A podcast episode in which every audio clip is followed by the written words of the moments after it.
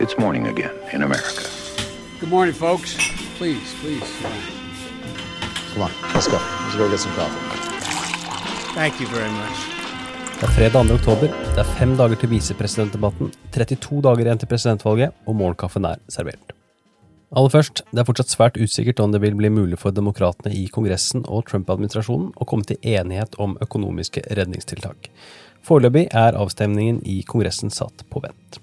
Og Biden-kampanjen går i gang igjen med dørbanking denne helgen, etter at det har vært stillstand i flere måneder pga. koronapandemien. I Nevada, Michigan, New Hampshire og Pennsylvania skal hundrevis av frivillige i gang med dørbanking, fokusert på velgere som blir ansett som vanskelige å nå på telefon. Og den pensjonerte firestjernersgeneralen Stanley McChrystal, som i sin tid måtte gå fra jobben etter kritikk av Obama og Biden, sa torsdag at han støtter Joe Biden i presidentvalget. I think we talk about someone, in my view, like Vice President Joe Biden, who is humble enough to listen to experts, who is humble enough to respect people who serve and have served, not to put them on a pedestal and think that military can do no wrong, because we know that's not true, but instead to have a respectful, interactive relationship.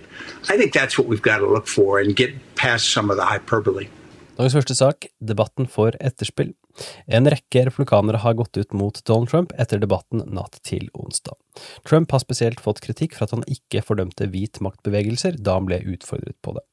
Her fra senator Tim Scott fra South Carolina, den ene svarte replikanske senatoren. comment. He asking Chris what he wanted to say. Uh, I think he misspoke. I think he should correct it. If he doesn't correct it, I guess he didn't. Moderator Chris Wallace sa torsdag at han er lei seg for måten debatten utartet. Han sier at han ikke var forberedt på at Trump ville fortsette å bryte de satte reglene gjennom hele debatten. Komiteen som administrerer debattene, har sagt at de vurderer en rekke endringer til de kommende debattene for å unngå lignende situasjoner som i den første debatten. En av tingene som vurderes skal være å gi moderatoren muligheten til å skru av mikrofonen til en debattant som avbryter. En annen er å gi den andre debattanten ekstra taletid hver gang han blir avbrutt. Rundt 73 millioner mennesker så debatten natt til onsdag. Det er omtrent 13% lavere enn den første debatten i 2016, men tallet inkluderer ikke de som så debatten via andre medium enn TV-skjermen. Dagens andre sak, valgmøter i koronatid. Donald Trump skal holde en rekke store valgmøter i Wisconsin denne helgen, til tross for at koronasmitten er stigende i delstaten.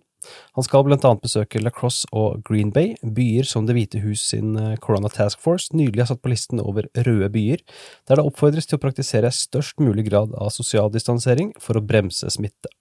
Wisconsin er en svært viktig delstat for Trump på valgdagen, og forhåndsstemning er nå i gang i delstaten. Dagens tredje og siste sak, fortsatt gode målinger for Biden. Joe Biden fortsetter å gjøre det bra i en rekke vippestater. I nye målinger publisert torsdag leder Biden 48-46 over Trump både i Iowa og Ohio, 50-44 i Pennsylvania og 50-46 i Arizona. Biden leder også 53-44 over Trump på to målinger i New Hampshire.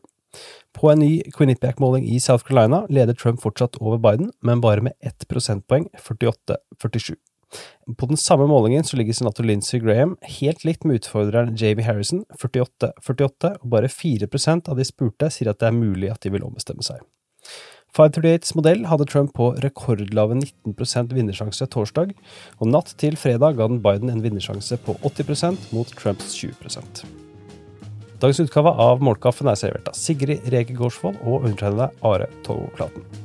God helg, og så snakkes vi til uka.